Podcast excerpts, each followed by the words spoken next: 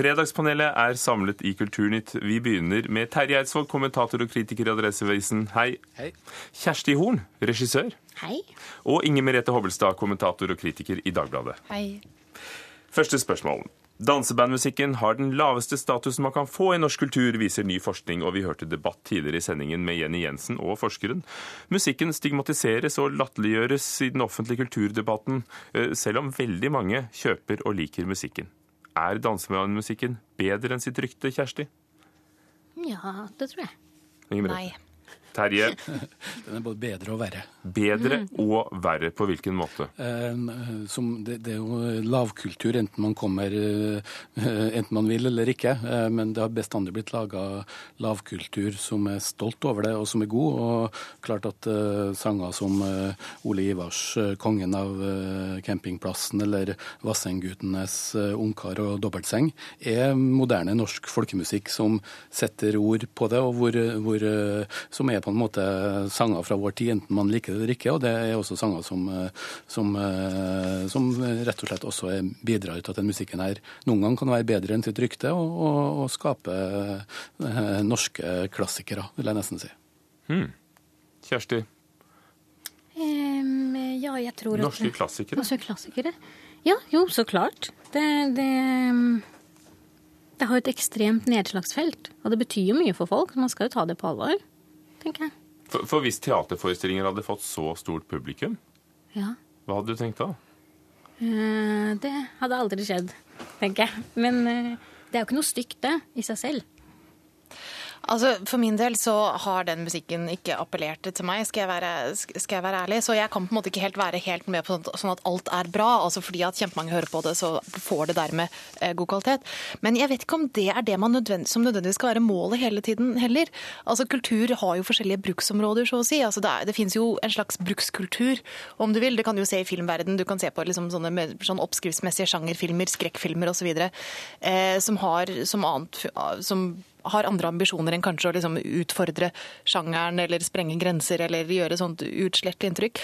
Og dette er jo musikk som fungerer utmerket godt som det det skal. Altså som dansegulvmusikk eh, utover det ganske land. Altså jeg, jeg tenker at Er ikke det flott? Kan man ikke være fornøyd med det, i stedet for å for, liksom være litt eh, lei seg fordi man ikke også får eh, kritikeranerkjennelse.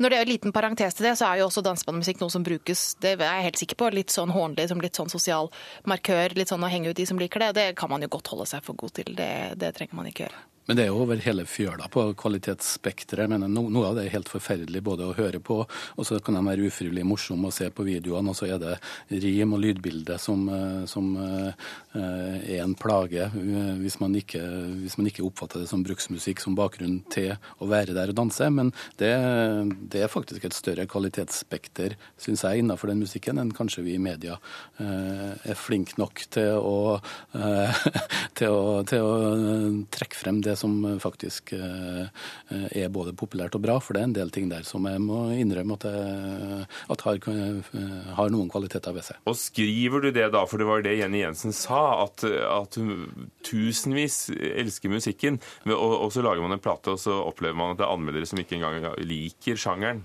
Ja, nå, an, nå anmelder jeg sjelden eller aldri dansebandmusikk, men, men, men eh, jeg, syns nok at, kanskje at du har et lite poeng. Selv om jeg er også enig med det William Christoffersen sa tidligere i uka, at eh, jaggu har dansebandmusikken og musikerne vært ganske flinke til å ødelegge sitt eget rykte selv også. Eh, altså, det er jo en sånn vanlig sånn, sånn jeg ser det misforståelse som går igjen. Da, det er at man argumenterer mot kritikk med å si at jammen tusenvis av mennesker liker det. Altså, det er ikke noe ideal at opinionen og kritikerne skal være enige. Eh, altså, ofte så er det litt andre ting som appellerer til de som har som jobb å høre på musikk, og som jobb å se film f.eks., eh, enn de som har et mer sånn forbruksforhold til det. Og det syns jeg på en måte er helt greit. Hvordan ser du, Kjersti, på den balansen mellom hva folk liker, og hva kritikere liker?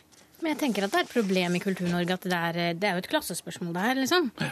Og at eh, de som jobber med kultur og arbeider med kultur, stiller seg litt over det som folk egentlig vil ha. Jeg tenker at det ikke er noe motsetning mellom det folk vil ha, eller det, folk, det som betyr noe for folk, da. Og, og det som faktisk er kvalitet. Det behøver ikke å være to forskjellige ting. Men sånn tenker man i hvert fall ofte i min bransje. Mm. Jeg er helt enig med Kjersti her. Vi diskuterer for lite kombinasjonen klasse og kvalitet i norsk kulturliv. Og, og selv om kanskje ikke dansebandmusikk er, selve stjerneeksempelet, så er det en, eh, et, eh, en sjanger som føyer seg inn i den eh, diskusjonen som vi er for lite flinke til å ta.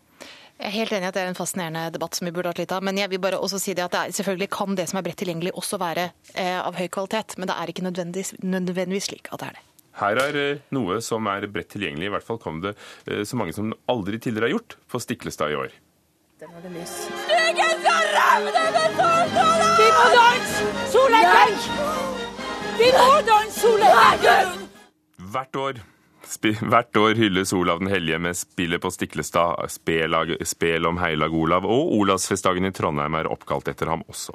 Prest og forfatter Gyri Gunnes reagerte i Kulturnytt og i Klassekampen på hyllesten av det hun kalte en krigerkonge. Er det riktig å feire Olav den hellige, Kjersti?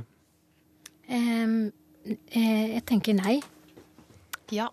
Terje? Ja. Eh, eh, da må du begynne, Kjersti. Altså jeg, tenker, eller jeg har jo ikke tenkt veldig mye på dette før jeg ble spurt om dette nå, men jeg tittet litt på det og sånn, så bare se på den logoen da, som hun uh, viste til, hun Gunnes. Den er jo helt sprø, liksom. Eh, så hvis man tar seg selv på alvor, eh, ofte også i kulturen at man ikke tar det ordentlig på alvor, så det er klart at man bør ha markeringer av sånne hendelser. Men å kalle det for en feiring syns jeg kanskje er litt ja, Det var kanskje drøyt. mine ord. Nei, men Det heter jo det. Olavsfestdagene, gjør det ikke det? Jo, det heter det. Selve logoen er kjempemorsomt å google på hvis man begynner å tenke på det. liksom. Eh, beskriv den for oss. Ja, det er en eh, fyr, da. Det er vel han Olav, da. Som står med en øks, og så står han med et kors. Det er liksom det. Og hun, hun er morsom, hun som snakker, hun Gunnes. Hele, hele Trondheim er tagga ned med den logoen, sier hun. Det er en veldig gøy formulering. Um, men, men, men, eh, men, det er klart at det kan, det kan bidra til at man har en diskusjon om uh, vår egen tid. Og hvis man er reflektert rundt det, så absolutt kan man jo bruke det som et utgangspunkt. Terje? Jo, jeg er jo veldig glad for eh, innspillet til Gunnes, og også historikere og andre som har, eh, har nyansert eh, bildet av, av, Olav den hellige, og spurt også om hvor hellig han var, og i hvilken grad han bør feires.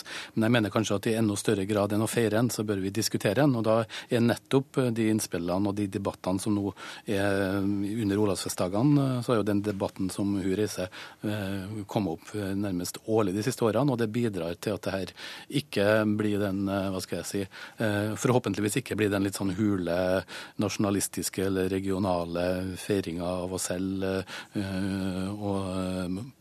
på, på, de premissene som hun advarer mot. Så jeg, jeg syns både at vi skal i alle fall markere han og markere det som historien etterkant har gjort den til, og så bidra til en diskusjon som gjør at vi får opp på bordet alle de motforestillingene mot den helgendyrkelsen som han har vært gjenstand for, og som han kanskje fortsatt av noen dyrkes litt for ukritisk i forhold til. Det ligger visstnok en bit av, av, leggen hans i, i St. Olavskatedralen, eller av benet i hvert fall. Inger Merete? Eh, jeg er helt enig med siste taler her eh, i alt sammen, eh, egentlig. Altså, det er jo klart at det er veldig mange viktige historiske skikkelser som har hatt stor innflytelse for hvordan land, kulturer, miljøer har vært utformet, som ikke akkurat har vært mors beste barn. Eh, altså, det er jo mye slag og sverd og politiske intriger og forskjellig som har brakt folk i en posisjon da, hvor de har kunnet forandre både sin tid og ettertiden. Eh, så hvis man på en måte skal stille moralske krav til hvilke personer man kan gjøre til tema for en festival, for et arrangement, så er det litt vanskelig, da. Fordi moral har ikke akkurat vært det som har vært og eh, satt høyest sånn, eh, gjennom historien. Men jeg er helt enig i at, at det bør gjøres kritisk. Altså man bør kunne vie en festival eller et arrangement til denne personen, men ikke gjør det som en sånn beundringsfest. Da. Altså At man heller tar opp hva i all verden var det som skjedde, hvorfor, hvordan. Hvordan skal man vurdere handlingene til, eh, til, denne personen. Og det har jo også vært gjort i stor grad. altså Stein Winge f.eks., som har regissert eh, spillet på Stiklestad flere ganger, har jo lagt vekt på kongen som en nesten sånn psykopat iblant. altså sånn, Hvor han fremstår som en sånn eh, egenrådig, selvgod skikkelse som bare ikke tåler å bli motsagt på noe, noe sett og vis. Akkurat på Stiklestad spillet, så har de den utfordringen at de har denne gamle teksten som de må forholde seg til. Det er ikke verdens beste tekst, det, det stykket. Eh, og det er ikke helt kanskje heldig hvordan det fremstiller personene, men der har du også et, en utfordring knyttet til tradisjon. da, At det er folk som har vært med på dette kjempemange ganger og vil at ingenting skal forandres og det den er, er slik det skal være. Men der er det modent for revideringer. For det, det er vel godt drama i sånne skikkelser som dette her, og i år har de jo gjort det for første gangen at de, de spiller det om natten. Med, med lys og effekter og, og Kjempeflott.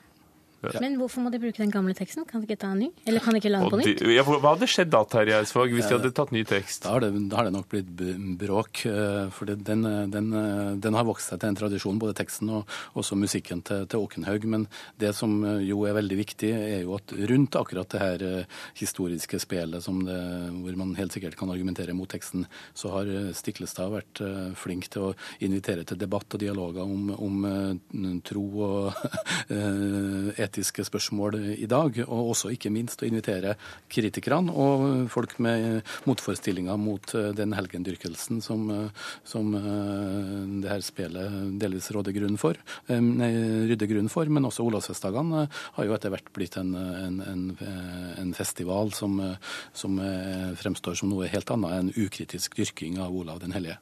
Men hadde du turt, Kjersti Horn, å valse inn der som regissør og begynne å stryke og forandre? Ja. Altså, det må man jo hvis man er regissør. Da må man jo kunne stå for det som forestilling. Nå har ikke jeg sett den, så jeg aner ikke. Det kan hende den er superbra. Men, eh, men det må man jo når man går inn som på en måte avsender. Ellers så går det ikke an å gjøre. Jeg bare husker at det har vært veldig mye sånn rabalder da, hver gang det forandres der, men i år var folk og kritikere veldig fornøyd, eh, må sies. Um, Eh, Jeg husker jo da det var, det var jo sånn voldsom Otto Homlung var jo veldig kritisk eh, til dette da Stein Winge kom og skulle gjøre om på ting. Det var da Trond Giske var kulturminister. Han var der oppe og åpnet det, og han trodde han plutselig var tilkalt eh, men, som kirkeminister for å redde land og folk fra Stein Winge. Men så så han i lokalavisa at det sto at Homlung hadde sagt 'flink læll, han Winge'. Eh, Og da skjønte han at da var alt, eh, da var alt i orden igjen. Fra teater til film Pacific Rim heter en av ukens premierer i sjangeren kjemperobot mot monstre. En fest i effekter, sa NRKs anmelder, og de kjente regissørene Spike Lee og Steven Soderbergh sier omtrent samtidig at de tar avstand fra alt dette effektmakeriet i Hollywood, og vil heller lage filmene sine selv, langt utenfor de store studioene, og, og driver med sånn eh, folkereisning, crowdfunding på nett. Eh, ødelegger effektene, som i Pacific Rim, for de gode historiene, og her er det jo heldig at vi har to filmkritikere, da, Inger Merete. Ja. Eh, Terje, Ja. det gjør det. Eh, Kjersti Horn, Ja. eh, er alle dere enige som enten lever av å kritisere filmer, lage teater og forestillinger, at effekter er en dårlig ting? Nei, jeg elsker effekter, og jeg syns jo også Pacific Rim er en underholdende popkornfilm, og en av de bedre av de mange i, i, i den sjangeren i år. Men problemet er nok at uh, den type store konseptdrevne filmer som koster kanskje 200 mil, amerikanske millioner dollar eh, å lage. Eh, det har blitt på en måte det de store studioene jakter etter for å, for å eh, jakte etter milliardfilmene. og Ergo så har mye av bunnen falt ut av markedet for, for, for filmer i mellomklassen. De her filmene som kanskje koster 20-80 millioner dollar, som jo også i norske sammenhenger er store penger, de er nok trua av at så mange av de store studiene løper etter de største filmene i håp om at eh, man også da skal få milliardindustrien som følger med når den blir en suksess. Absolutt. Og altså, det, sånn jeg ser det, oser det jo desperasjon av Hollywood om dagen. Altså, det er blitt fryktelig vanskelig å trekke folk på kino fordi folk kan oppleve fortellinger. Altså, TV-serien har tatt over som et nytt sånn seriøst fortellermedium. Altså, har, folk har store TV-er, de kan streame alt, for, alt mulig rart. Og dermed så må man prøve å trekke folk til kino med det de bare kan få på kino. ikke sant? Som er 3D-effekter, som er spesialeffekter, som er crash, boom, bang.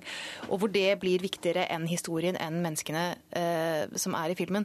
Du ser jo også at det er blitt nesten umulig å få finansiert eller få den typen budsjetter for ting som ikke har vært suksesser allerede. Det er jo de samme superheltene, f.eks som reproduseres, som det lages filmer om uh, om og om igjen. Uh, og det var, Jeg leste en uttalelse fra en Hollywood-produsent som sa i fjor sommer at hvis, uh, hvis, det blir verre nå, så kommer ingen til å lage Avatar lenger, fordi alle vil bare lage Avatar 2 og 3. Altså Ingen tør å satse penger på det uprøvde. da. og Det er et kjempestort problem for den filmskapningen som er orientert mot klassisk historiefortelling. Kjersti, ja. har du falt for fristelsen å bruke effekter der du egentlig ikke trengte dem? Nei, jeg tenker at jeg skal skjerpe meg og bruke litt mer effekter, men jeg syns det er grusomt kjedelig, da. Jeg synes det, På teater er det jo helt uh, obvious, liksom. At man ikke, der er det jo én trend! At man skal gjøre masse, og det skal være sceneskifte, og det skal være ditt og datt og video og alt mulig. Uh, som jeg tenker ødelegger hele teateret, da. Og kanskje filmen har kommet dit, de, de, de også. ja, men, men, teatret har hermet litt etter filmen her, altså? Ja, ja, ja, ja, definitivt, definitivt. Men da kan du jo heller gå på kino hvis du har lyst til å se ting som bare er laget på data. på en måte. Og så kan vi se dine forestillinger befridd for dataeffekter. Ja. Takk skal dere ha, Kjersti Horn, Inger Merete Hobbelstad og Terje Eidsvåg, for at dere utgjør vårt fredagspanel her i Kulturnytt.